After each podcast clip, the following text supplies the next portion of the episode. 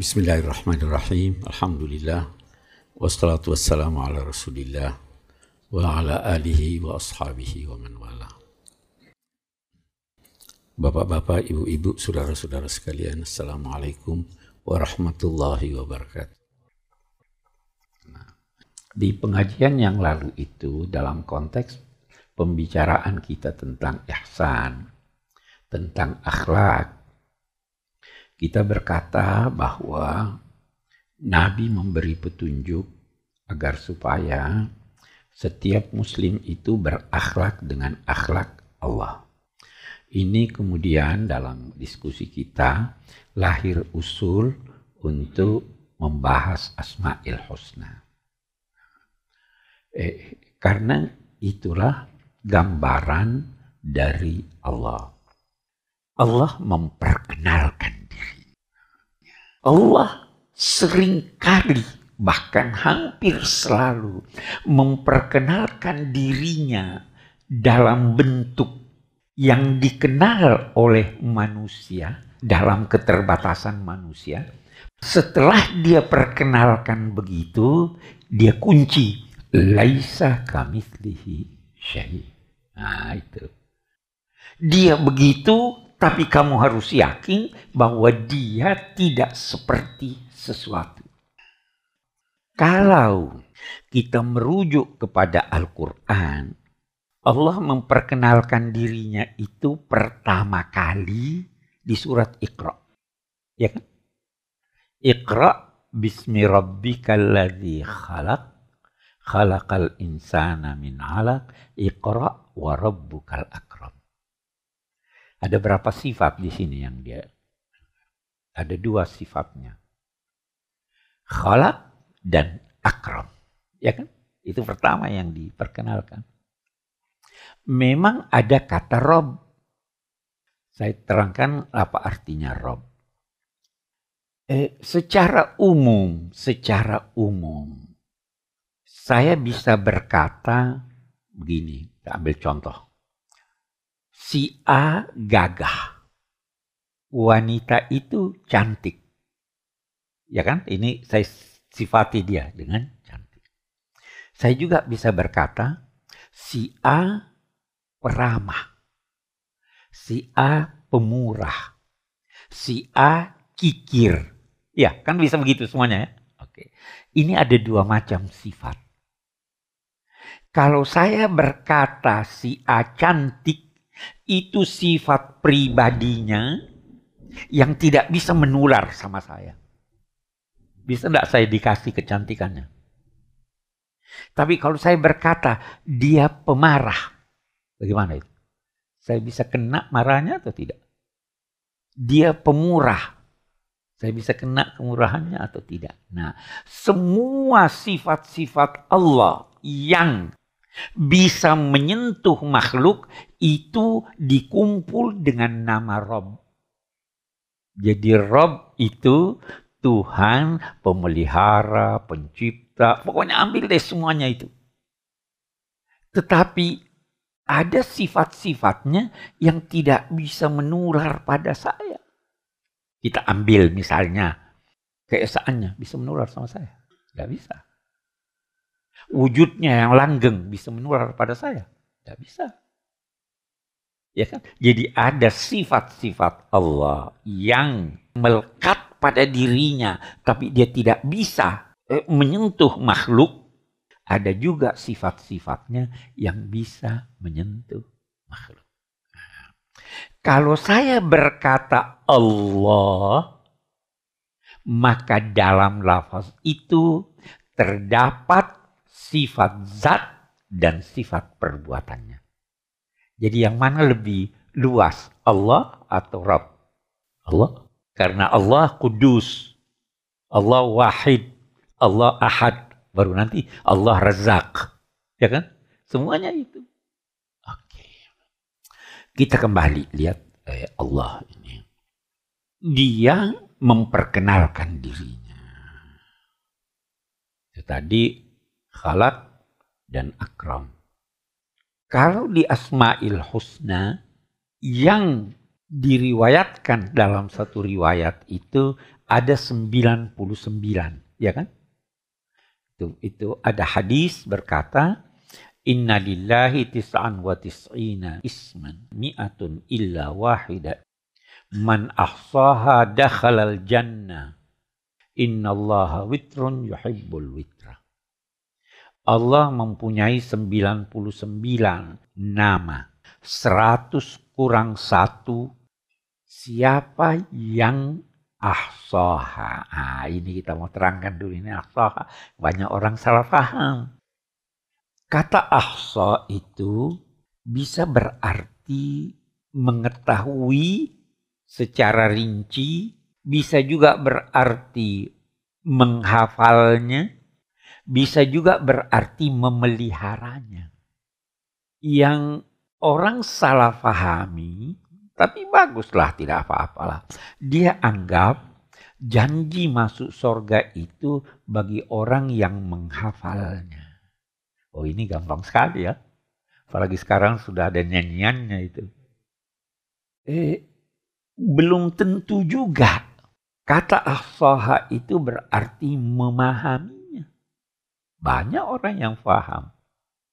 Imam Ghazali itu bagi. Bagi begini kata Imam Ghazali. Kalau sekedar mendengar binatang pun bisa. Ya.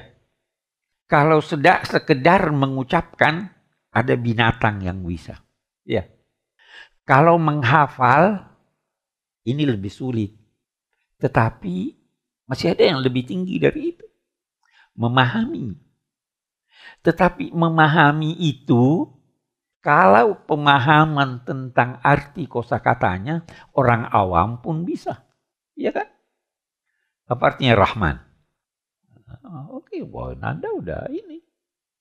Tetapi untuk memahami lebih jauh apa arti Rahman sudah membutuhkan pengetahuan yang lebih dalam dari sekedar Maha Pengasih. Menghayati makna itu lebih tinggi lagi. Nah, orang yang menghayatinya bisa jadi dia sekedar menghayatinya tetapi tidak merasakan nikmatnya. Imam Ghazali kasih contoh lagi. Dia bilang begini, itu manusia itu begini. Ada satu orang murid sangat kagum pada gurunya. Sangat senang mendengar eh, eh, eh, pelajaran-pelajarannya. Sangat ingin menjadi seperti dia bisa enggak satu waktu dia itu tidak perhatikan? Bisa ya? Dibilang boleh jadi kalau dia tidak perhatikan, itu ada sesuatu yang menghalangi dia memperhatikannya, boleh jadi karena dia lapar. Ya, itu contohnya. Jadi orang yang sudah menghayati pun itu bisa jadi suatu waktu dia tidak merasakan kenikmatannya sehingga dia lengah dari itu. Itu sebabnya katanya Imam Ghazali lagi bilang, apa yang dinamai pengenalan itu bertingkat-tingkat. Nah, saya beri contoh soal ini. Saya tanya ini sekarang di sini. Kenal SBY? Kenal? Tahu tahu. Nggak kenal. Kalau Anda menjawab kenal, itu benar. Ya kan? Tapi kalau Anda menjawab tidak kenal, itu lebih benar. Lagi tidak pernah ketemu. Ya kan? Saya beri saya kasih lagi contohnya Imam Ghazali. Kalau seandainya kita kan tadi berkata Allah memperkenalkan dirinya melalui khalak, gitu, melalui ciptaannya. Saya mau beri misalkan buku ini. Anda baca. Oh ini buku menyingkap tabir ilahi. Pengarangnya ini. Terus ada yang bertanya, kenal pengarangnya? Nah. Kalaupun Anda sudah baca buku ini, belum tentu Anda kenal saya. Anda baru tahu, kalaupun Anda sudah baca semua buku saya, Anda belum tahu saya dengan pengenalan yang benar. Jadi ketika kalaupun seandainya Anda sudah tahu semua ciptaan Allah sampai mendetail, Anda belum tahu dia. Tetapi Anda sudah dinamai, itu itu, itu arti ma'rifatullah. Kita tidak bisa tahu. Itu sebabnya sekali lagi Imam Ghazali berkata, kita harus beristighfar kepada Allah bukan karena kita memberi kepada Allah sifat yang tidak sempurna, tetapi memberinya sifat yang sempurna pun kita masih harus istighfar. Karena kesempurnaan kita itu sebenarnya belum sampai pada tingkat kesempurnaan Allah. Itu sebabnya Rasul mengajarkan kalau mau muji Allah, subhanaka la nuhsi sana'an alaika anta kama asnaita ala nafsik. Ya Allah, maha suci engkau. Kami tidak bisa memujimu kalau begitu, pujian terhadapmu adalah pujianmu atas dirimu. Oke. Asma'il husna itu terdiri dari dua kata, asma dan al-husna. Asma itu bentuk jamak dari isim. Isim itu bisa terambil dari kata sumu. Kata sumu sama. Sama apa artinya? Langit. Semua yang berada di atas Anda itu sama. Dari sumu, tinggi. Bisa juga terambil dari kata simah, tanda. Asma kita biasa artikan isim nama. Karena nama itu tanda. Ya kan? Ini siapa? Oh, namanya ini, itu namanya itu. Oh, ini tandanya. Nama itu tanda. Kalau saya berkata bahwa asma itu dari kata isim tinggi, karena nama itu harus dijunjung tinggi. Saya tersinggung kalau Anda hina saya. Harus dijunjung tinggi. Itu asma. Al-husna itu bentuk feminin dari ahsan. Eh, kalau saya menunjuk maskulin laki-laki itu ahsan. Kalau saya menunjuk perempuan itu husna. Jadi asma'il husna nama-nama Allah yang terindah, yang terbaik, yang termulia itu asma al husna.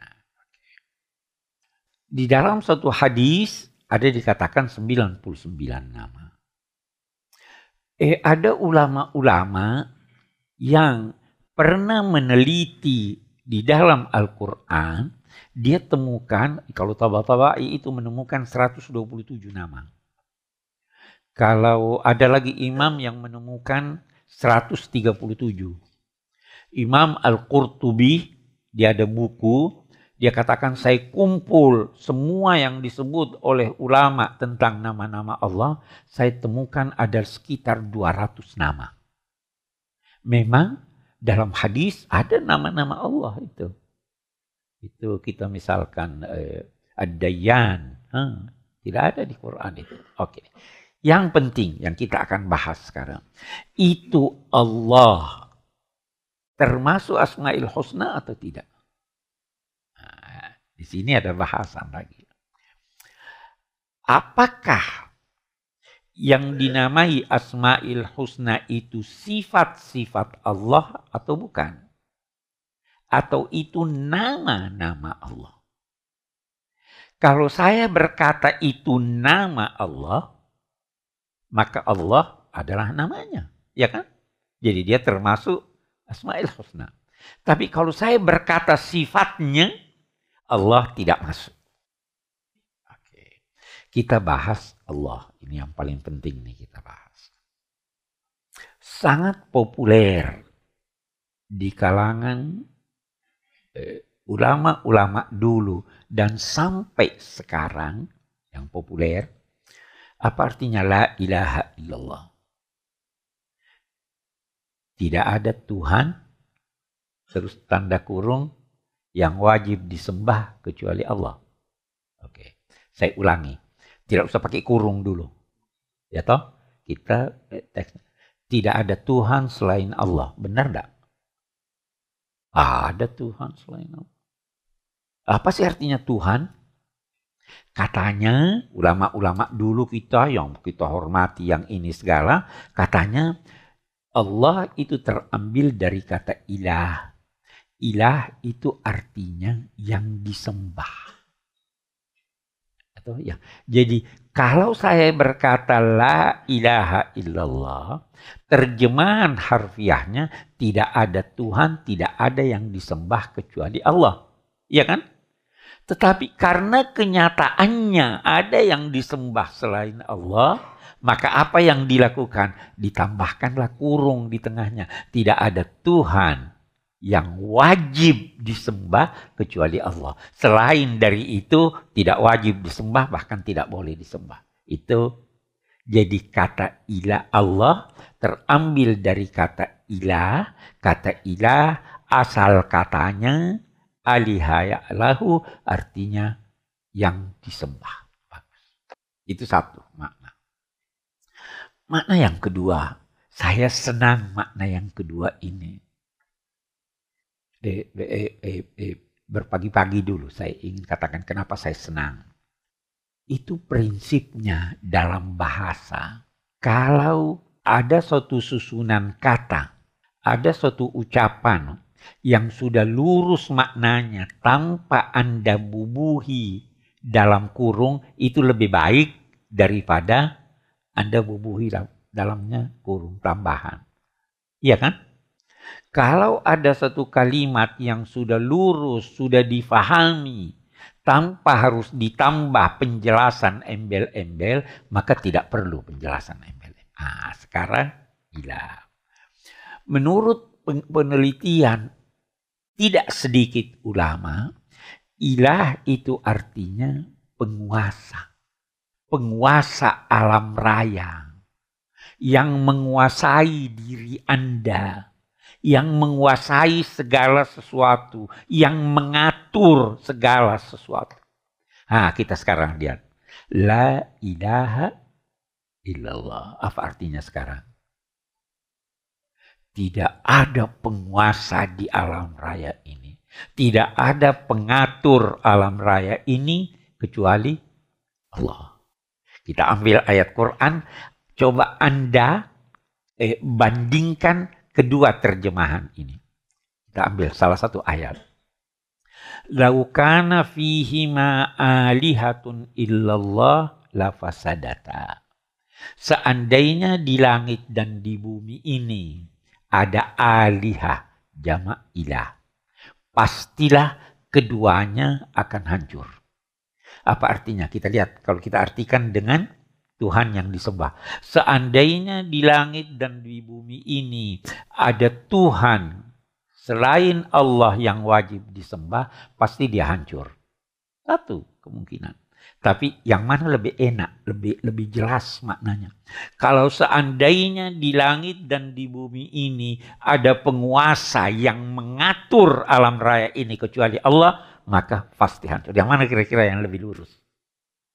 Ya, tapi kita sudah, oke okay, benar juga lah itu. Hanya kita dari segi eh, akademis, ilmiah, kebahasaan itu begitu. Oke. Okay.